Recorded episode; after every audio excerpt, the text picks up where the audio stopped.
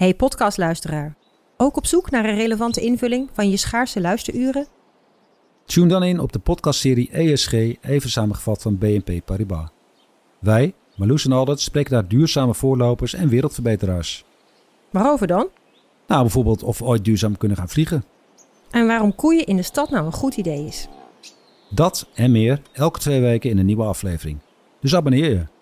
ESG, even samengevat. Al 125 jaar kwaliteit voor jou thuis met Miele. Dat vieren we met jou. Ontvang nu tijdelijk een cashback tot 125 euro op veel Miele-apparatuur. Geniet van de kwaliteit van Miele. Voor perfect verzorgd wasgoed en kleding die veel langer mooi blijft. Voor een stralend schone vaat, even perfect als jouw diners. En een stofvrij thuis waarin echt hygiënisch schoon de standaard is. Check miele.nl voor alle feestelijke aanbiedingen.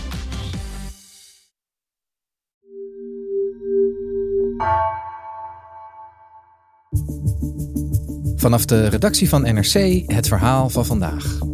Mijn naam is Egbert Kalsen.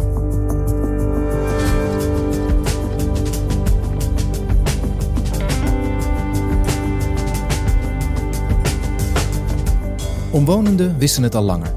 Tata Steel is slecht voor de gezondheid. Een nieuw rapport van het RIVM bevestigt dat. Mensen die rondom de fabriek wonen leven gemiddeld 2,5 maand korter en dat komt door de fabriek. Tata kon zich altijd verschuilen achter de geldende wetten waar ze zich aan hielden, vertelt economieverslaggever Milo van Bokkum. Gaat er door dit rapport nu wel iets veranderen?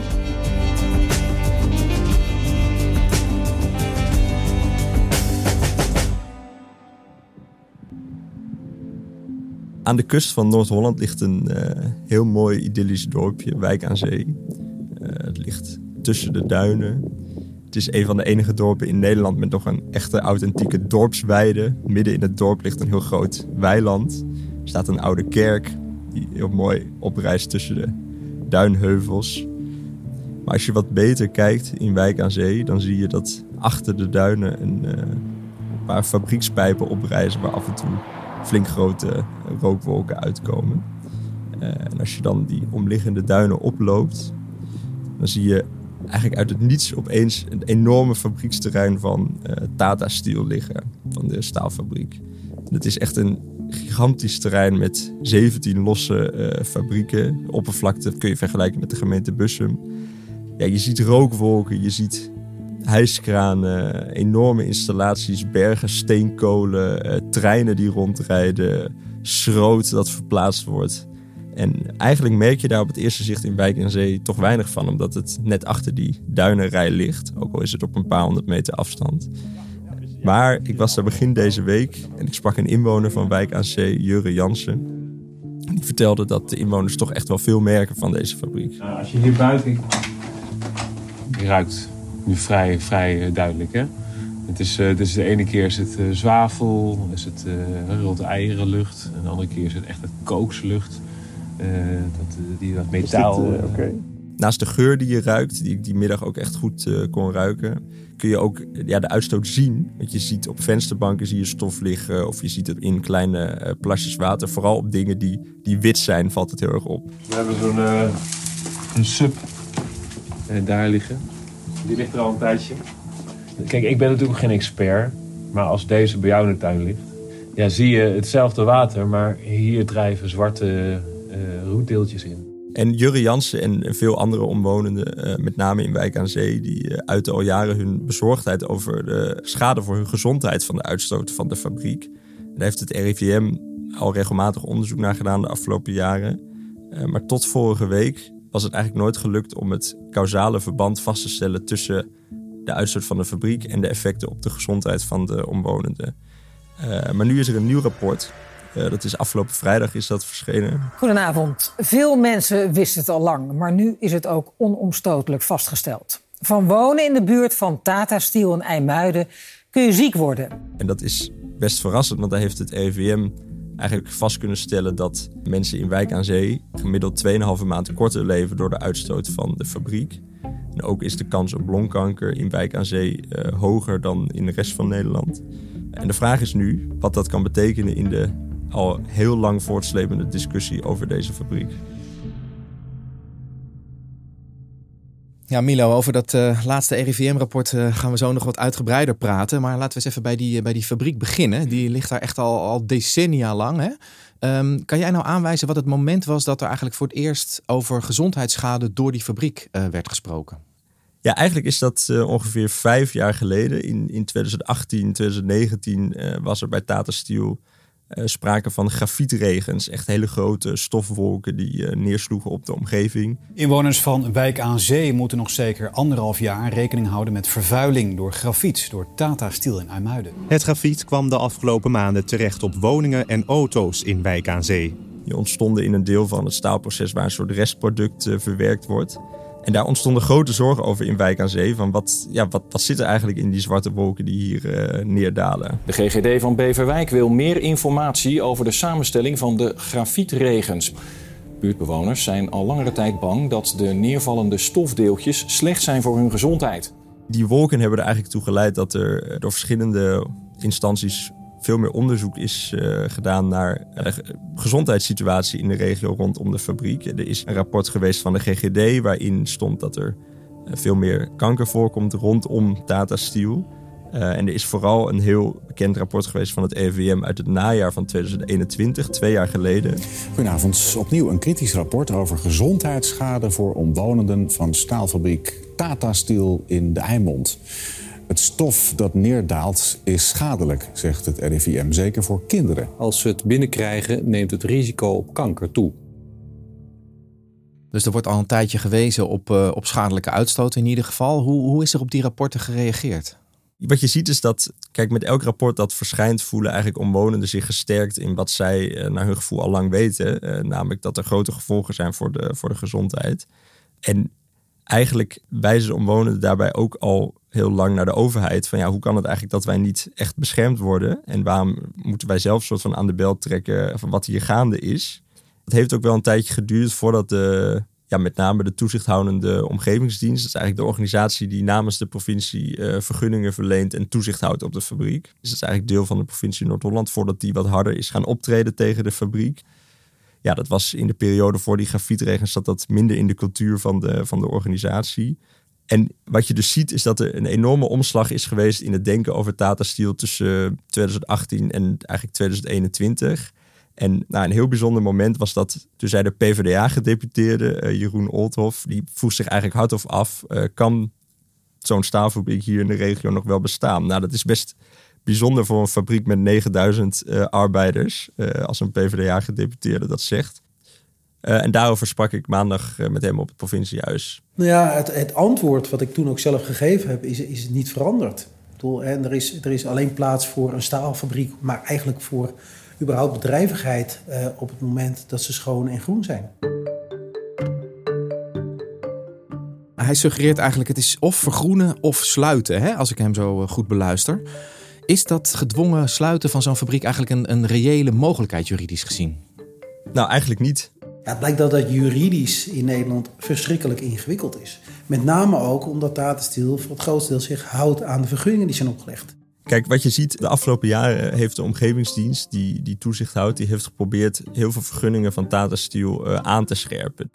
Alleen het blijft lastig om dat echt heel veel winst in te behalen, omdat uh, overwegend houdt Tata zich gewoon aan de wettelijke milieuregels.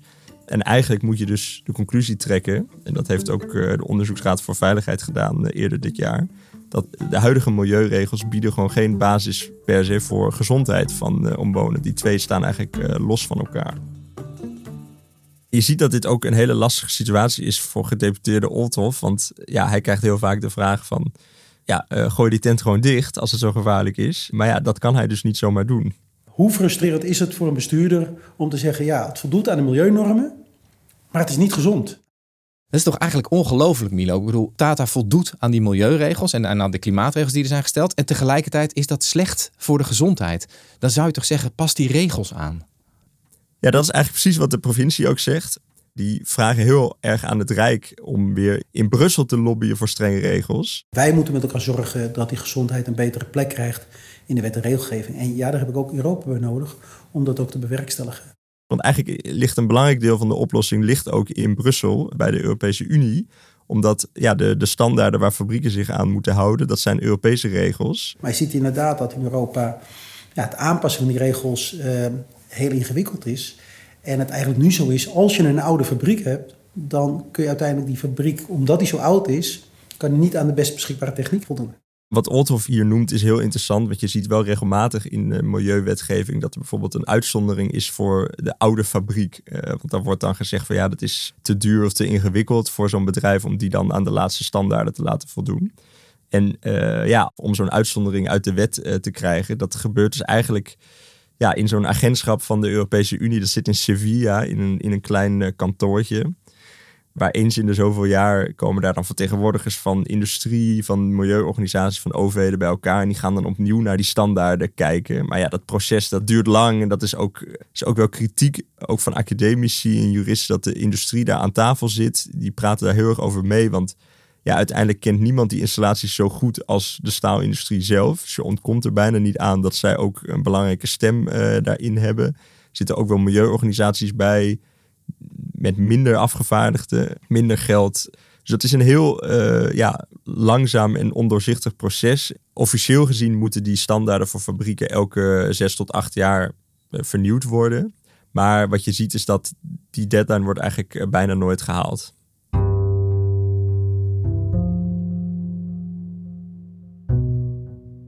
En Milo, jij noemde aan het begin van de aflevering al dat er vorige week een nieuw rapport is verschenen hè, van het RIVM. En daaruit blijkt eigenlijk, ja, ik zeg het maar even kort door de bocht, dat je gewoon eerder doodgaat als je in de omgeving van, uh, van Tata Steel woont. Um, dat lijkt me nou een onderzoek waar niemand meer onderuit kan en wil.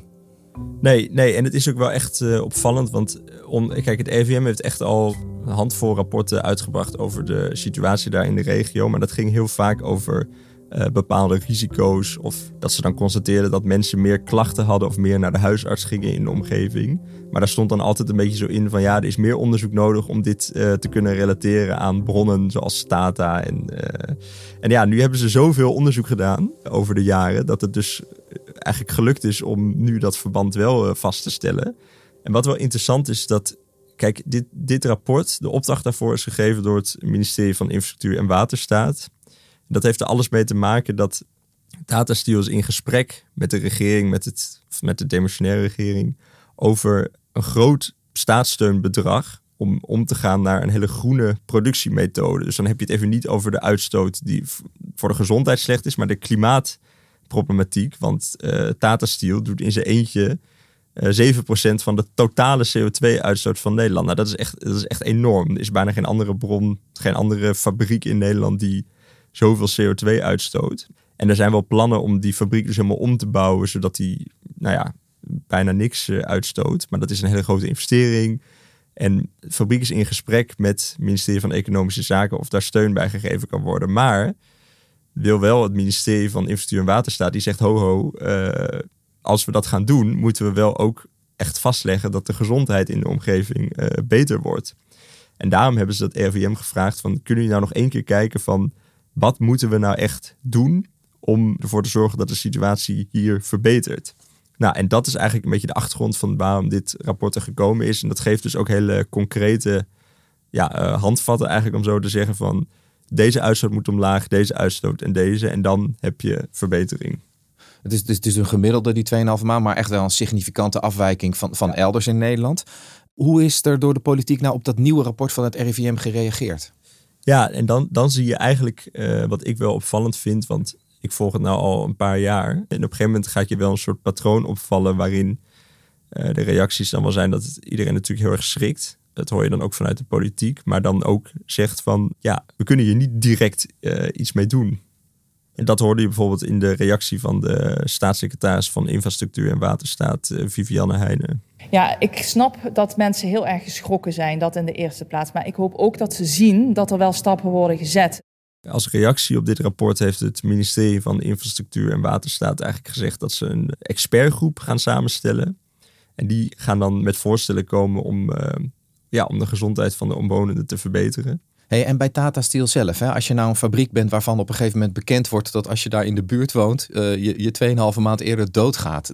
Dat, moet toch ook iets doen met hoe dat bedrijf zelf denkt over waar ze mee bezig zijn? Ja, dus je ziet dat ze na zo'n rapport altijd een hele deemoedige toon eigenlijk aanslaan. Dus in de officiële reactie zeggen ze dan: wij voelen ook de pijn van dit rapport en wij nemen dit echt serieus en wij werken echt aan uh, vergroening. En ze wijzen ook altijd op een groot pakket van maatregelen dat ze eigenlijk nou, 2,5 jaar geleden, drie jaar geleden hebben aangekondigd. Dat is een pakket van 300 miljoen euro. Dat is ongeveer één keer de jaarwinst van de fabriek. Uh, ja, en daarvan bouwen ze stoffilters, uh, stikstofafvanginstallaties, windschermen. De hoop is eigenlijk dat dat ervoor zorgt dat er dan in de omgeving veel minder schadelijke stoffen terechtkomen. Wat hier wel lastig aan is, is dat deze maatregelen die worden nu allemaal genomen. Die zijn nog niet allemaal afgerond. Uh, dus het duurt echt nog best lang voordat we precies kunnen weten wat daar de impact van is en of dat helpt.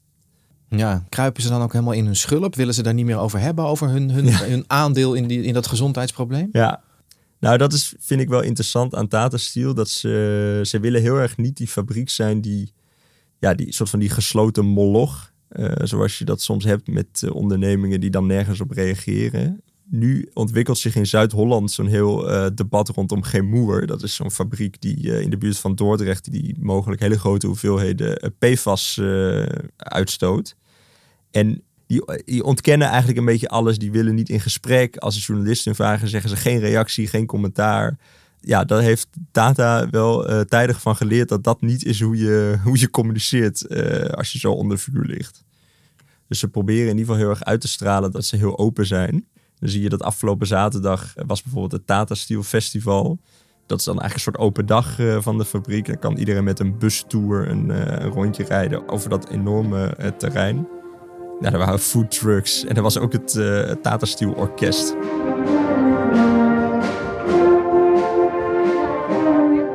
Wat eigenlijk nog het meest opmerkelijk was op die dag, was dat de fabriek zelf eigenlijk een soort debat had georganiseerd tussen uh, jonge werknemers van Tata Steel zelf en één activist van Greenpeace en één van Extinction Rebellion. En dat was wel ja, een hele vreemde ervaring eigenlijk. Want dan in die fabriek is daar iemand van Extinction Rebellion die zegt van ja, ik vind dat deze tent moet sluiten en uh, ja, dat, dat er gewoon geen toekomst voor is. Ik zie dat nog niet snel bij een ander bedrijf gebeuren eigenlijk.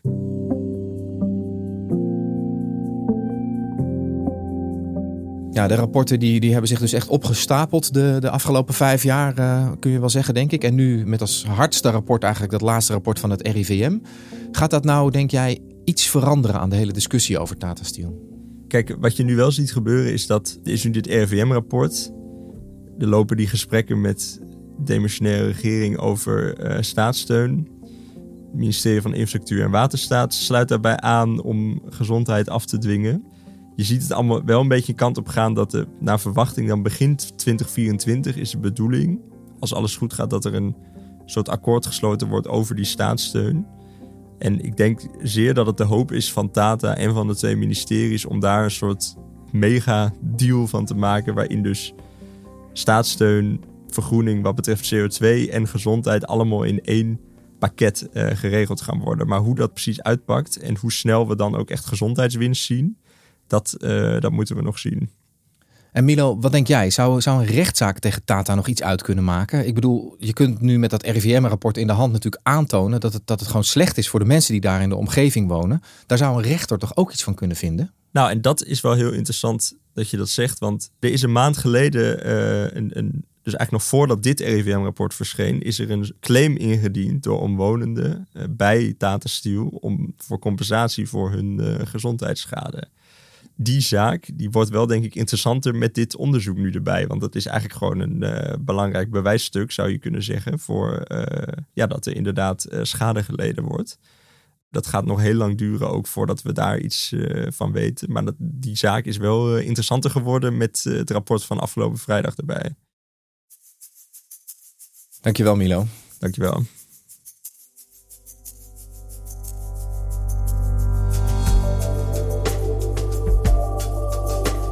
Je luisterde naar vandaag, een podcast van NRC.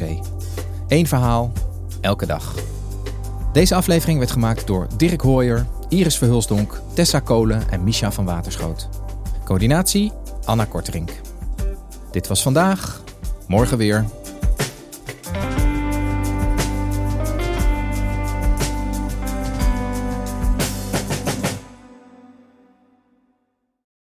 Technologie lijkt tegenwoordig het antwoord op iedere uitdaging. Bij PwC zien we dit anders. Als we de potentie van technologie willen benutten, kunnen we niet zonder een menselijk perspectief. Human-led, tech-powered noemen we dat. Ga naar pwc.nl.